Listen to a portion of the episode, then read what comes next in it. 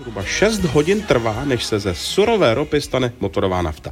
Je to ale nekončící proces, na který bezprostředně navazuje například výroba síry. V každé rafinérii jsou tak nejdůležitější kilometry potrubí. Třeba v Kralupech nad Vltavou zabírá technologie pro zpracování ropy v podstatě jen nepatrnou plochu. Samotná výrobní část zabírá zhruba 10%. Drtivá většina areálu jsou sklady, expedice a bezpečné odstupové zóny. Vysvětluje Jakub Glajch, plánovač rafinérie tady v Kroupech nad Vltavou. Je tady několik různých pecí. Jedna z nich je do černo šedá. To je naše nejdůležitější zařízení. Jednotka destilace ropy, konkrétně rektifikační kolona. Ropa teče do té kolony, tam se na základě bodu varu rozdělí na čtyři základní řezy a pokračuje na svoji jednotku. Takže to jsou ta různá potrubí a trubky, které já tady vidím. Ano, přesně tak, protože každý ten proud není vhodný jako palivo, obsahuje ještě spoustu příměsí, které je potřeba odstranit, takzvaně rafinovat z toho rafinerie. Ta ropa obsahuje kolem 1,8% síry, takže mnoho setkrát se to musí odsířit, aby to dosáhlo parametru podle normy. A můžeme vidět, odkud kam co vede. Tadyhle koukáme na takovou velkou hranatou pec. Tohle je jediný zdroj vodíku v rafinerii. Říká se tomu katalytický reforming. Odštěpený vodík z části benzínu používáme pro ty hydrogenace. Katalyzátor, který se tam nachází na bázi platiny a rénia, je extrémně drahý, ani se nikdy nevyměňuje, jenom se regeneruje jednou za několik let, když se špiní, dělá se to přímo v reaktorech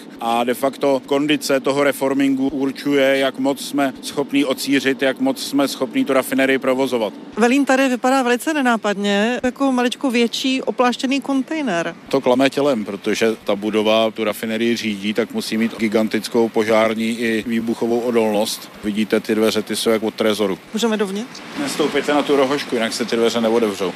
Teď už se automaticky otevřely. Takže tady jsme na centrální Velíně, kde probíhá čilý ruch. Je rozdělen do třech oblastí. Primárního zpracování ropy a hydrogenací, takzvaná stará rafinerie pak je tady dělení mazotu, štěpení a potom prostřední část, kde se nachází mísení paliv. Takže se můžeme jít podívat doleva, protože to je ten první krok, co se s tou ropou děje. Ano. Vidím nástřik ropy ze skladů, jaký je množství. Operátor Petr Vršník. Tady v pecích se předehřeje.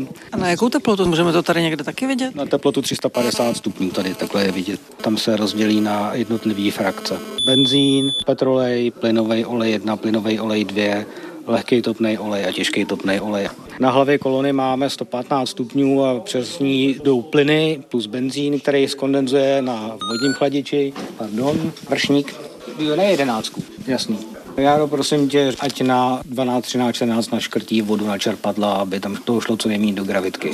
Typický příklad, jak velináře řídí operátory venku, komunikují vysílačkou nebo telefonem. Mhm. Čau. S Jakubem Glajchem jsme teď na konci toho areálu, ale ve své podstatě jakoby na začátku, když to vezmeme od té Nelahozevsi. Koukáme na čtyři zásobníky na ropu, do kterých se čerpe z centrálního tankoviště ropy z mera z pravidla kolem 15-18 tisíc tun a vydrží nám tak na dva na tři dny provozu. Tady vidíme vlastně takové tenké potrubí, kterým se ta ropa dostává přímo do té rafinérie. No a my jsme popojili kolik? Zhruba tak půl kilometru? Asi tak přibližně 300-400 metrů. Každý ten zásobník musí být vybaven takzvanou ochranou vanou. To je to vidíme tu zeď, která kolem toho jde. A to je jímka, kdyby ten zásobník prask, tak aby to nedošlo k žádnému úniku mimo a znečištění průsaky do spodních vod a tak dále. Jak dlouho to trvá, než se z té tmavé tekutiny stane ta nafta, kterou potřebujeme do aut? Ten proces probíhá kontinuálně, takže bych řekl, že takových 6 hodin. Rafinérie tady v Kralupech nad Vltavou zpracovává zhruba 70% ropy na paliva